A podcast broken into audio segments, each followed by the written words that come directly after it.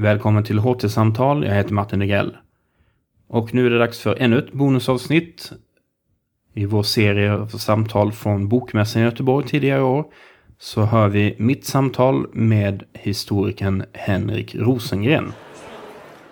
Då hälsar vi välkomna till Lunds universitets monter här på Bok och biblioteksmässan.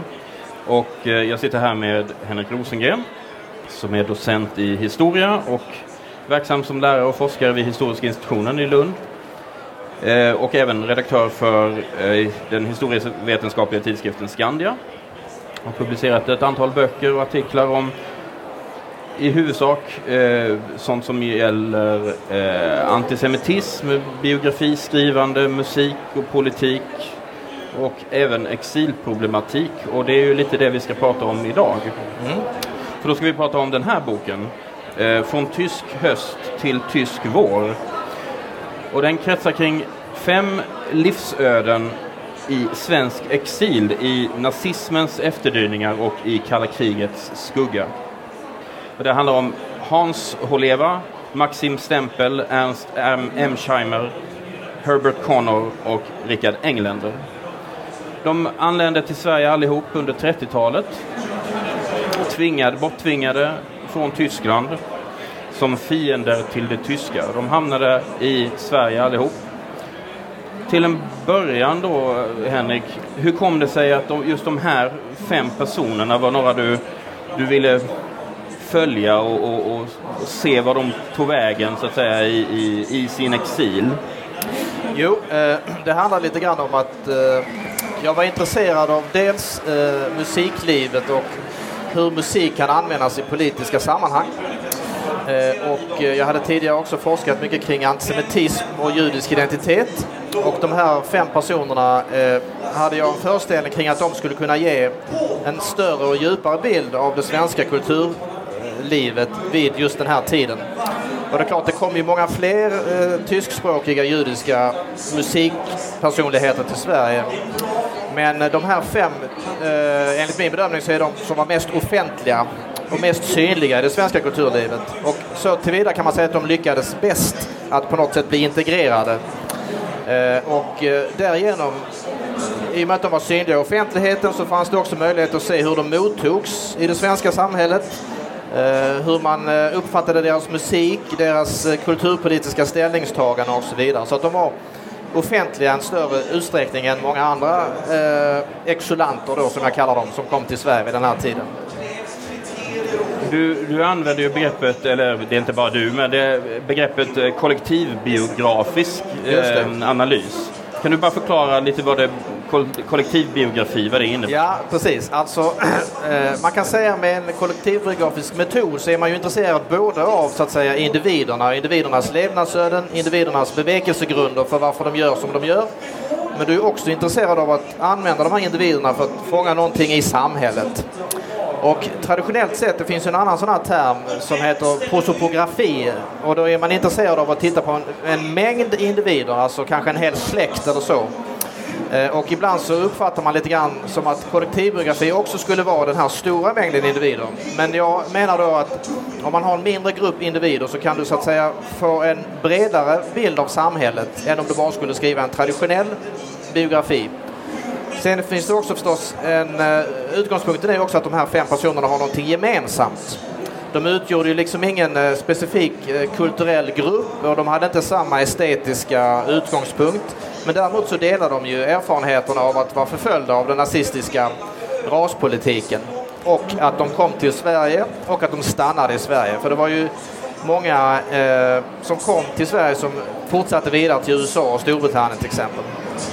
Så den kollektivbiografiska metoden är just det här att du är intresserad både av individen och samhället och att du då kan så att säga få en bredare bild av samhället. Vad, vad, kan du säga om de här fem individerna som du då väljer att, ehm, följa? Alltså de, de är verksamma som tonsättare, musikkritiker, pedagoger.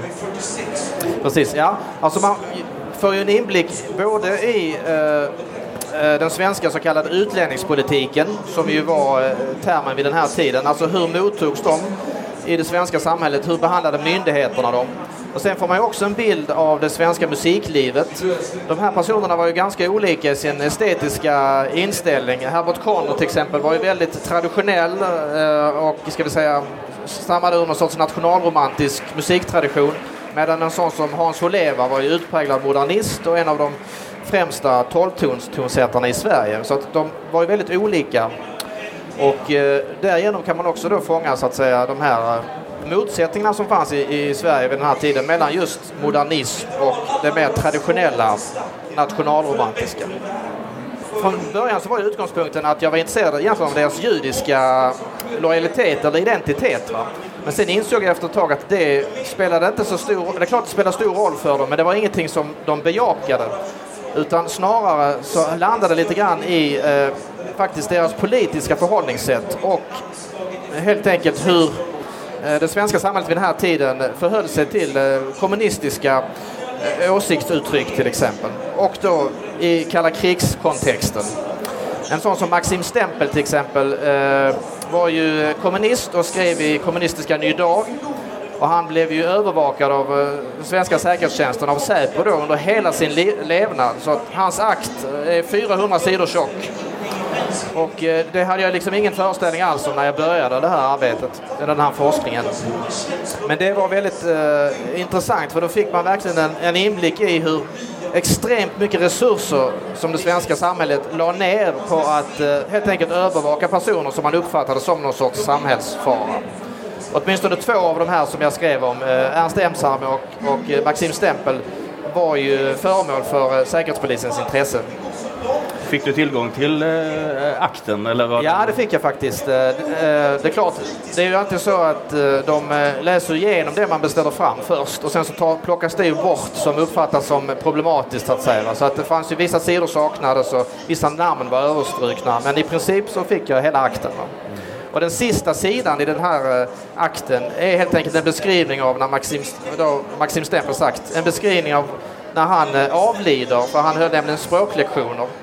Så att han bars ut på bår från en lokal där han hade haft den här lektionen. Och det är liksom den sista anteckningen i Säkerhetspolisens material.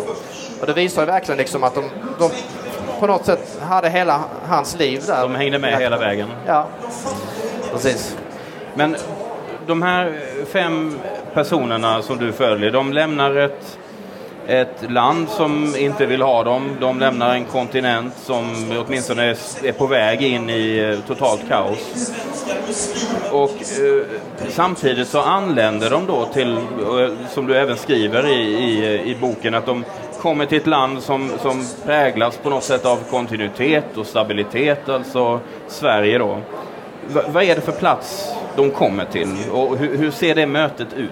Ja precis, alltså det är ju som du säger, de flyr ju från eh, dels Österrike och dels eh, Nazityskland och då, där betraktas de ju som tyskhetens fiender eftersom de har judisk bakgrund. Men i Sverige så blir de ju bärare av tyskhet istället, eh, vilket ju är en liten intressant paradox. Va? Det är nästan en, en, en djup ironi att, ja, precis. att ni inte är tyska nog så nu får ni lämna Tyskland men så kommer de till Sverige och så anses de som tyskar, som tyskar. per definition. Ja. ja. men visst, precis. Va? Eh, det är väldigt uh, intressant faktiskt. Uh, och uh, ja, det samhället de kommer till kan man säga, vad det gäller musik och kulturlivet så var det ju lite grann i karantän under kriget. Man hade ju inte så mycket kontakt med utlandet på grund av andra världskriget förstås. Och så när de kommer till Sverige så kommer de ju med ett kulturellt bagage som är ganska annorlunda än deras svenska kollegor då. Så de har ju en möjlighet att föra in eh, helt enkelt sina intryck från kontinenten, sina kulturella intryck, sina estetiska förhållningssätt och så. Det är klart att en del av de här förhållningssätten har funnits tidigare i Sverige men, men de blir ändå en väldigt viktig röst för att på något sätt förändra och bygga upp för, företrädesvis då eh, musiklivet i Sverige. Sen visst, det är klart att det, det fanns ett motstånd mot dem och de fick ju kämpa hårt så att säga för att kunna ta sig fram. Eh, men jag tycker ändå att man bör poängtera att de hade en, en viktig roll för svenska musiklivets eh, internationalisering kan man väl säga. Mm. Du, och du pratar också om eh, eh, olika lojaliteter och identiteter också. Alltså, eh, och du, vill, du skriver att du vill undersöka hur då exiltillvaron påverkar deras lojalitet och relation till de kulturarv som de antingen har eller möter alltså det judiska, det tyska och sen då det svenska. Ja. Hur, hur skulle du säga, yt, hur yttrar sig dessa lojaliteter och hur förändras de liksom Mm. när de, Precis. Ja, för deras relation till Tyskland måste ju vara minst sagt problematisk. Den den är väldigt komplex för, för i princip allihopa. Och även deras relation till det judiska kan man säga. Om man tar en sån person som Richard Engländer som ju var verksam i Dresden innan han kom till Sverige. Han var den som anlände sist till Sverige av de här fem jag har skrivit om. Och eh, han uppfattar sig inte som eh, jude överhuvudtaget. Hans eh, morföräldrar hade konverterat tidigt. Va? Så han stannar ju väldigt länge för han tänkte ja, den här nazistiska raspolitiken den kommer inte påverka mig. Så jag har inget att frukta. Men till slut så nådde den även honom. Och eh, han är väl den som, ska vi säga, i minst utsträckning har någon relation till det judiska arvet så att säga. Det är inte, viktigt för honom i Sverige. I Maxim Stempels fall så förstår man ju att han har brottats med det här hela sitt liv. Eh, han håller sin judiska eh, bakgrund hemlig även för sin familj och berättar först, eh, det är först efter han dör faktiskt som sonen får reda på att pappan har varit judisk, eller då har den judiska börden. Eh, och eh, jag har då hittat brevväxling mellan Maxim Stempel och, och eh, några av hans vänner där, han, där man förstår hur han brottas med den här judiska identiteten. Sen är det klart, eh, förhållandet till, till det tyska är ju också problematiskt eh, på många sätt. Och Hans Holeva är väl den som st- starkast är uttryck för att han inte vill inte känner sig vilja han tycker inte att han tillhör liksom det tyska längre utan det är någonting han har lämnat. Han vill se sig som internationalist. Och det tror jag man kan förklara just i relation till hans livsöde mycket. Eh, och tar man då återigen en sån person som Maxim Stempel så kan man säga att hans lojalitet till det kommunistiska förstärks i Sverige. Va? Även om det förstås fanns den här starka skräcken för kommunismen så är ju ändå Sverige ett helt annat land eh, än vad Österrike var vid den här tiden. Så han har ju lättare för att så att säga ge uttryck för det här. Va? Och vad jag, mitt intryck är att den här kommunistiska identiteten förstärks i relation till hans erfarenheter. Och det är i och för sig kanske inte så ovanligt eftersom kommunismen blir ju, blir ju liksom en motkraft till nazismen. Va? Eh, även så att säga på kontinenten. Och det tror jag, tycker jag att Maxim Stempel är väldigt tydlig uttryck för. De här, alla fem de här personerna på olika sätt blir ju tongivande pun not intended i musikvärlden. Och hur, men på vilket sätt, alltså på det sättet så har de ju, de kommer, de kommer liksom in i det svenska musiklivet men stöter de på några hinder i den här integreringen eller integrationen? Tar Ja. det tid för dem att komma liksom, eller har de redan ett kontaktnät när de kommer hit? Eller hur? Ja, eh, nej men det som förenar dem är ju att de alla har kontakter med Sverige på något sätt innan de kommer till Sverige. Så att det finns ju vissa liksom trådar som de kan dra i. Men givetvis är det så att det, det finns ett starkt motstånd och de, de blir ju inte svenska medborgare förrän slutet av 40-talet eftersom det fanns någon outtalad regel kring att man måste stanna i Sverige 10 år för att kunna få svenskt medborgarskap. Och har du inte svenskt medborgarskap så kan du ju inte få någon varaktig försörjning. Nej, men så det är ju också en viss skillnad här mellan de olika personerna. Eh, för att eh, en sån som Maxim Stempel, han har ju inte uppmärksammat, uppmärksammats så mycket i den svenska musikforskningen. Eh, sannolikt beroende på hans kommunistiska uppfattning. Va? Medan en sån som Hans Holeva ändå uppfattas idag som en väldigt viktig tonsättare inom den här moderna genren. Rickard Engländer, musikforskaren, uppfattas också som en viktig gestalt, så att säga. Medan Herbert Conner kanske i större utsträckning eh, har blivit lite bortglömd. Så att eh, de, det ser lite olika ut mellan de fem. I vilken mån de liksom eh, får utrymme i Sverige. Jag trodde ju att eh, de skulle drabbas av större motstånd. Ett motstånd som var relaterat just till deras judiska börd. Men, men det kunde jag inte riktigt se så mycket. Det finns några undantag va. Men eh, på det stora hela så måste jag säga ändå att de mottogs förhållandevis väl så att säga. Även om det förstås fanns en seghet i deras möjlighet att komma in i det svenska. Å- Återvände någon av dem till Tyskland eller eh, blev de, blev de kvar i Sverige så att säga? Alla blev kvar i Sverige hela sin levnad. Sen så eh, var det vissa av dem som hade mycket kontakt med Tyskland. Rickard Engländer till exempel. Ernst Emsheimer som ju var musiketnolog. Och eh, Hans Soleva däremot ville aldrig eh, eh, återvända till Tyskland. Boken heter alltså eh, Från tysk höst till tysk vår. Och eh, Henrik Rosengren, tack så mycket för att du kom hit. Tack så mycket.